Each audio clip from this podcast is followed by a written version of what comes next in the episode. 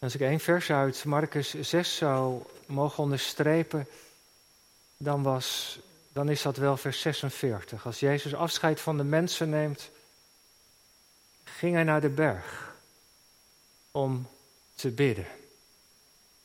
En het thema van de verkondiging uit, naar aanleiding van dit Bijbelgedeelte, gedragen door het gebed van Jezus. Gemeente van Christus, u hier in de kerk en u thuis met ons verbonden. Vandaag is het middag voor gewas en arbeid.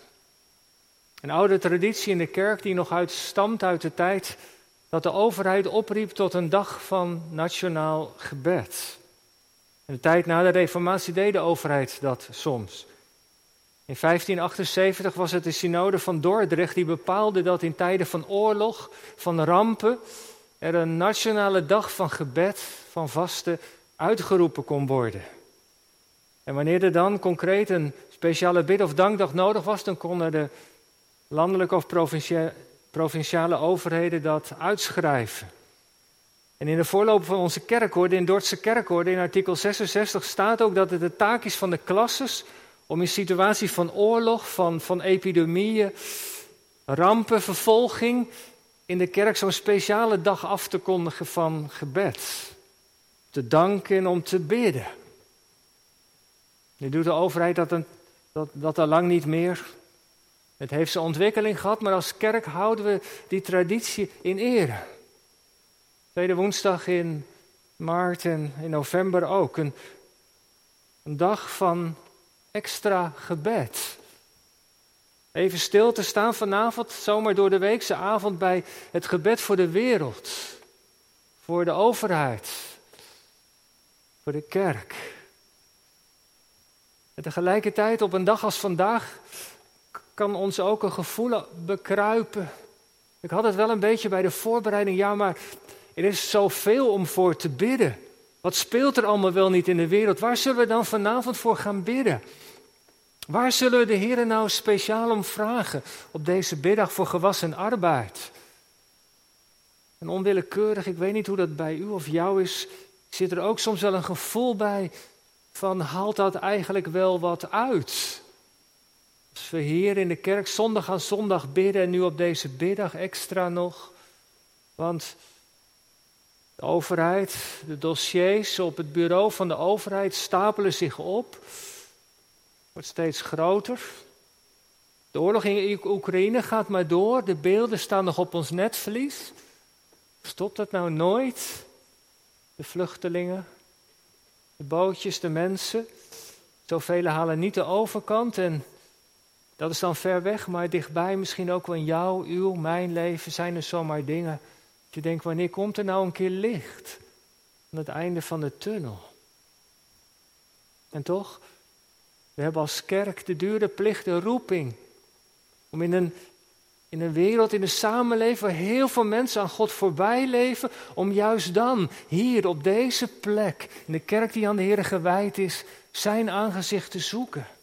Om de nood van de mensen als, als priesters als het ware voor zijn aangezicht te brengen. Dat doen we dus ook vanavond. Is het gemakkelijk? Nee, dat niet. Soms is het ook niet zo eenvoudig om voorbeden te doen. Waar bidden we vanavond allemaal voor? Mag u voorgaan in de voorbeden? Hoe doe je dat? Waar bid je voor? Weet u dat we vanavond stilstaan bij Marcus 6?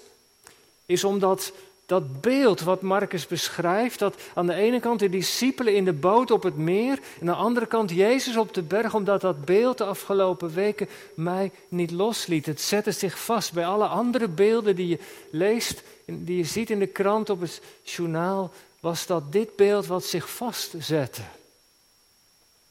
Ik voel ervoor als het ware of God mij daarbij bepaalde en daarom staan we er vanavond ook bij stil als opmaat voor ons gebed straks. En het is een dubbel beeld. Met een paar penseelstreken tekent Marcus dat aan de ene kant de discipel in de boot op het meer en aan de andere kant, je moet het voor je zien, Jezus alleen op de berg. Maar het is wel heel veelzeggend. En dan gaan we even op inzoomen vanavond, op wat Marcus ons te zien geeft. Eerst de discipelen en dan de Heer Jezus. Het is laat op de middag. Jezus heeft onderwijs gegeven, grote menigte van mensen gevoed. En de avond valt in en dan stuurt hij zijn discipelen op pad. Gaan jullie maar vast naar de overkant. Maar als ze dan eenmaal op het water zitten, dan valt het niet mee om vooruit te komen. Marcus zegt ze hebben sterke tegenwind. Ze pijnigden zich af. In het Grieks staat daar een woordje zich van, dat voor martelen wordt gebruikt. Die gang over het water, die ze zo vaak hebben gaan, is die speciale avond, om zo te zeggen, een martelgang. En wij weten dat het daar stevig kan waaien. De koude, koude wind uit de berg Hermon die daalt naar beneden en die komt met het warme water van het meer van Genezeret, dat botst, dan gaat het draaien en dan kan het zomaar opeens een sterke tegenwind zijn. En dat is het geval. Het leek zo'n eenvoudige opdracht. Gaan jullie alvast naar de overkant? Maar ze hebben de wind tegen. En aan het begin van het gedeelte, in het eerste vers, zegt Marcus nog even heel fijntjes. Meteen dwong hij zijn discipelen de boot in te gaan, naar de overkant te gaan. Ze zitten dus in die situatie omdat Jezus ze dwingend op pad heeft gestuurd. En samen met hem waren ze op missie. Hij had ze geroepen, hij had ze meegenomen op zijn, op zijn tocht, zijn rondreis, allereerst door Galilea. Tijd is aangebroken, het koninkrijk van God komt eraan, bekeer je, geloof het evangelie, klonken zijn woorden. En de Jezus heeft tekenen gedaan van dat koninkrijk dat komt. Hij heeft mensen genezen, bevrijd, zonde vergeven. Hij laat iets zien van hoe het leven door God bedoeld is. En al die tekenen, dat onderwijs, vindt plaats in een wereld waar heel veel gebrokenheid is. Dat kun je al zien alleen maar bijvoorbeeld in het hoofdstuk 6 van Marcus. Als, je, als we even door het hoofdstuk zouden bladeren, dan, dan die eerste zes versen die gaan erover dat als Jezus onderwijs geeft, dat hij door de mensen wordt ontmoet met ongeloof en met afwijzing. En de volgende pericoop, dan roept hij zijn discipelen. Dat is een vreugdevol moment. Want met hen gaat hij het leven delen. Zij zullen straks de wereld ingezonden worden. Maar dan onmiddellijk daarna, in de versen 14 tot 29, gaat het over Johannes de Doper. Hij wordt gedood, zijn hoofd op een schaal opgediend. De voorloper wordt vermoord. Dat heeft natuurlijk ook wat met de Heer Jezus gedaan. En met de discipelen, ze zijn ontdaan. En dan is er daarna die hele grote menigte, meer dan 5000 mensen die honger hebben. En dan gaan ze straks naar de overkant en dan blijken zoveel mensen ziek te zijn. Met andere woorden, die gebroken wereld, dat is die wereld waarin de Jezus gekomen is met zijn heil als de heiland. En de discipelen zijn met hem op missie. Gehoorzaam aan de opdracht van de Jezus zijn ze op pad gegaan en midden op het water is daar de tegenwind. En waarom vertelt Marcus dit? Waarom vindt hij dat nou de moeite waard om op te tekenen? Er zijn uitleggers die zeggen, nou ja, Marcus schrijft dat op, want kijk, die discipelen in de boot, die zijn een beeld voor de, van, van de kerk. De kerk die in eigen kracht vooruit probeert te komen zonder Jezus. En dat gaat ze natuurlijk niet lukken. En inderdaad, dat is een gevaar wat we kunnen lopen als we de dingen in eigen kracht doen, zonder Hem daarbij te betrekken. Als je ambtsdrager bent, als je in de kerk een taak hebt of in je dagelijkse leven als christen, dan kan het inderdaad gebeuren. Maar ik denk niet dat dat de focus is van Marcus. Want ze zijn gehoorzaam geweest. Want het woord van de Jezus, ze zijn op pad gegaan. Nee, ik denk dat hij het accent, dat hij het heeft verteld om iets te laten zien.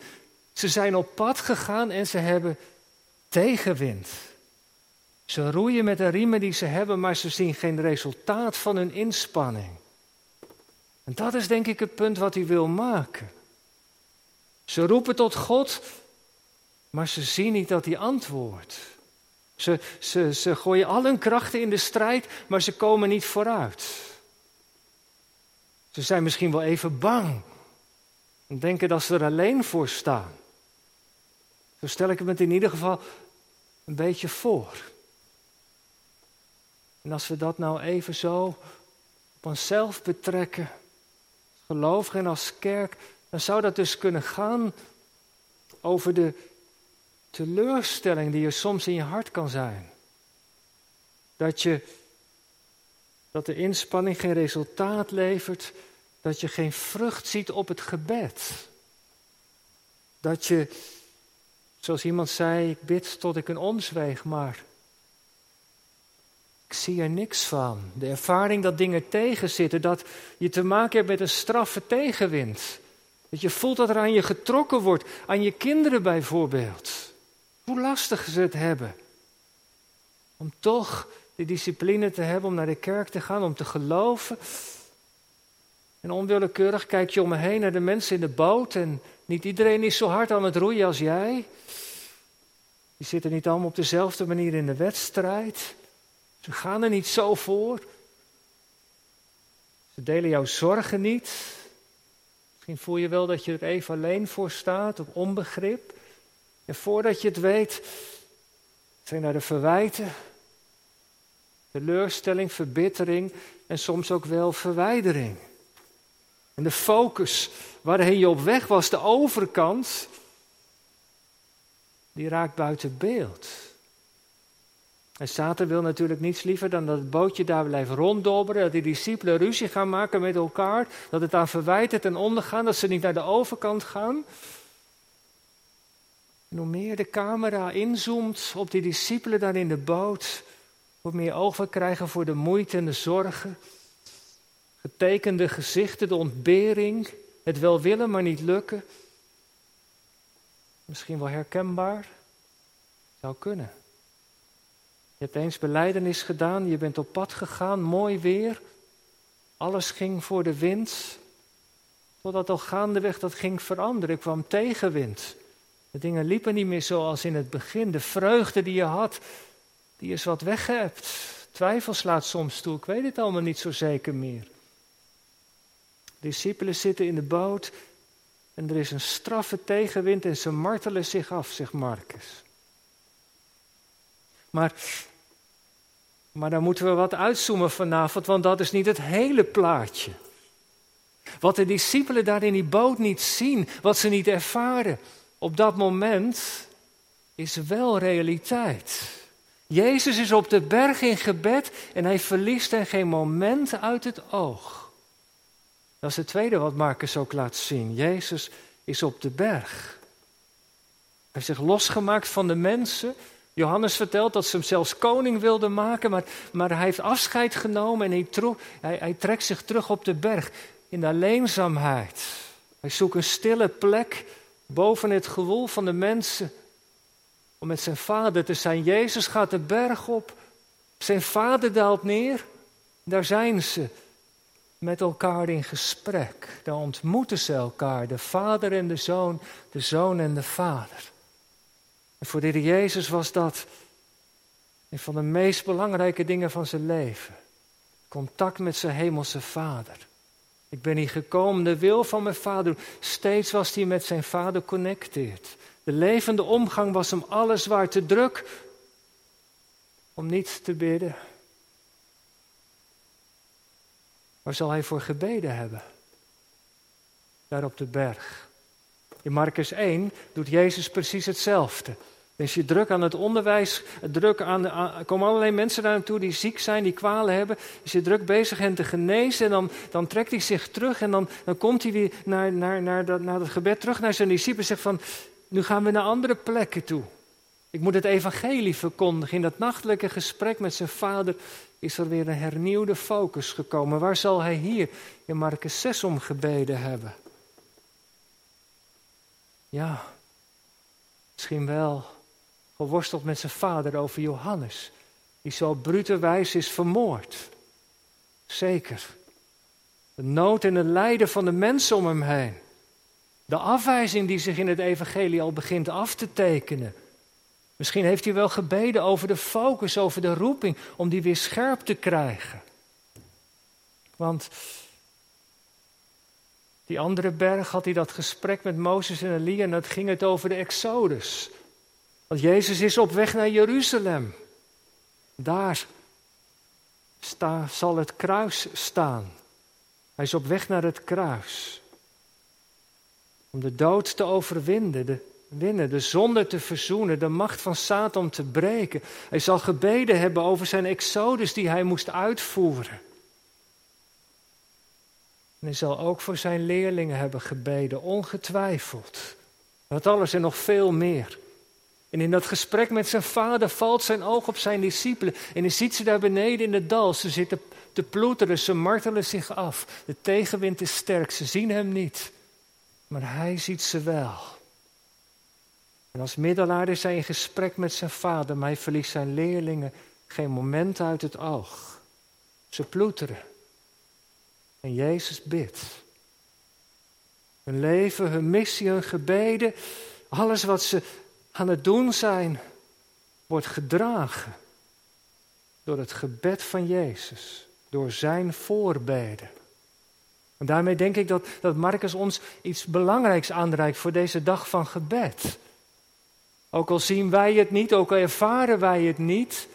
De schrijver van de Hebreeënbrief zegt dat Jezus leeft om voor ons, voor deze wereld, voor zijn kerk te bidden. Jezus verliest ons ook niet uit beeld. En op deze middag in het bijzonder vertelt het evangelie ons dus dat ons leven, ons, ons gebed, gedragen wordt door de voorbeden van Jezus. Dat beeld dat hij daar op die berg op zijn knieën ligt in gesprek met zijn vader, dat moeten we voor ogen houden. Vanavond als we bidden. Dat hij daar voor ons pleit. Moet eerlijk zeggen dat ik daar heel vaak niet aan denk. Daarom raakt het me weer opnieuw bij de voorbereiding van de preek. We hebben dat vaak helemaal niet in de gaten, maar dat is wel wat het evangelie ons vertelt. De geest die pleit. Jezus in de hemel die bidt. Het gebed van ons hier beneden, in het dal, met de tegenwind, in de storm misschien wel. Dat wordt gedragen, dat wordt ondersteund, dat wordt geheiligd, dat wordt bekrachtigd door het gebed van Jezus. Daar op die berg bidt Jezus en daar wordt de strijd beslist. Denk maar even aan later naar Gethsemane, die heuvel waar Jezus bidt met zijn vader, daar wordt het lot van mens en wereld bezegeld. Daar is hij, dan is hij gereed om naar die andere berg te gaan, waarop dat kruis zal prijken. De heuvel van Golgotha, waar hij verzoening doet voor de zonde van ons mensen. Daar geeft hij zijn leven. En dankzij wat Jezus op de berg doet, geldt voor ons de belofte. Dat niets ons kan scheiden van de liefde van Christus. En weet u, Marcus laat zien hoe concreet dat is. Dat zijn niet zomaar woorden, maar je ziet het ook aan wat Jezus doet. De discipelen verwachten het niet. En hij vertelt het niet, maar misschien hebben ze er ook wel helemaal niet om gebeden. Maar Jezus komt naar ze toe. Over het water tegen de wind in. In de vroege morgen, in de vierde nachtwaken, ergens tussen drie uur en zes uur in de morgen. Het is al laat. Maar Jezus komt nooit te laat. Over het water van omstandigheden, dwars door de wind, komt hij naar ze toe. En Marcus zegt hij wilde voorbij gaan. Was hij al op weg naar de overkant? Nou, nee, dat is bijbeltaal. Hij wilde voorbij gaan. Dat is een uitdrukking in de woorden van de Bijbel voor een theofanie, voor een godsverschijning. En weet u, dat is vaker gebeurd in de geschiedenis van Israël. Even terug naar Exodus 33. Mozes, door God geroepen om het volk uit Egypte te leiden, maar hij, hij ziet het niet zitten. Hij durft het niet. Ik ga alleen maar als u laat zien dat u erbij bent. En dan lezen we dat God aan Mozes voorbij gaat. En dan gaat God aan Mozes voorbij en dan klinken daar die woorden. Genadig, barmhartig is de Heer, rijk aan goede tierenheid. Die de zonde vergeeft, die de ongerechtigheid straft. God laat gaat aan Mozes voorbij en laat even zien, een glimp van wie die is.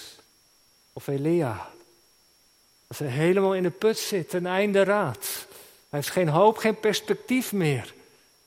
Dan haalt God hem uit de grot en dan trekt God aan hem voorbij. In het zuizen van de stilte. Ik ben er. Hier gebeurt dus hetzelfde. De discipelen martelen zich af. En Jezus gaat voorbij. Hij verschijnt. De Heer die alle macht heeft, die wolken, lucht en winden, wij sporen en loop en baan. Hij wandelt naar ze toe. Heb goede moed. Ik ben het. Ego eimi. Wees niet bevreesd. Hij ziet ze ploeteren en hij zoekt ze op. En dat ene woordje wat hij spreekt, ik ben het, dat maakt alles anders. Dat betekent in de Bijbeltaal, ik ben erbij. En dan komt de rust, dan komt de vrede. Een vrede die alle verstand te boven gaat. De discipelen zitten nog midden op het meer. Ze zijn nog niet aan de overkant. Maar toch is er iets veranderd. Jezus is erbij. Ze hebben vaders zoon aan boord. En gemeente mag ons dat vertrouwen geven. Wij zijn onderweg. We zijn geroepen om de Heer Jezus te volgen hier in de stad Gouda. Geroepen om ook vanavond voor de wereld voorbeden te doen. En we zien lang niet wat het oplevert. Misschien ervaren we ook wel geen vrucht. Maar dat is niet zo belangrijk. Belangrijk is dat we op de Heer Jezus letten. Hij is de grote voorbidder. En hij draagt ons gebed. Zie hem daar op die berg. Beneden de discipel in het dal. En Jezus bidt, daar is het pleit beslecht. En als het nodig is, dan komt hij zelf. En dan klinken die woorden. Zomaar onverwacht. Ik ben het. Hij is niet bevreesd. En dan kunnen we weer verder. Niet omdat wij zo krachtig zijn, maar dat om, omdat ons leven gedragen wordt door het gebed van Jezus. En zal de Vader het gebed van zijn eigen zoon niet horen? Amen.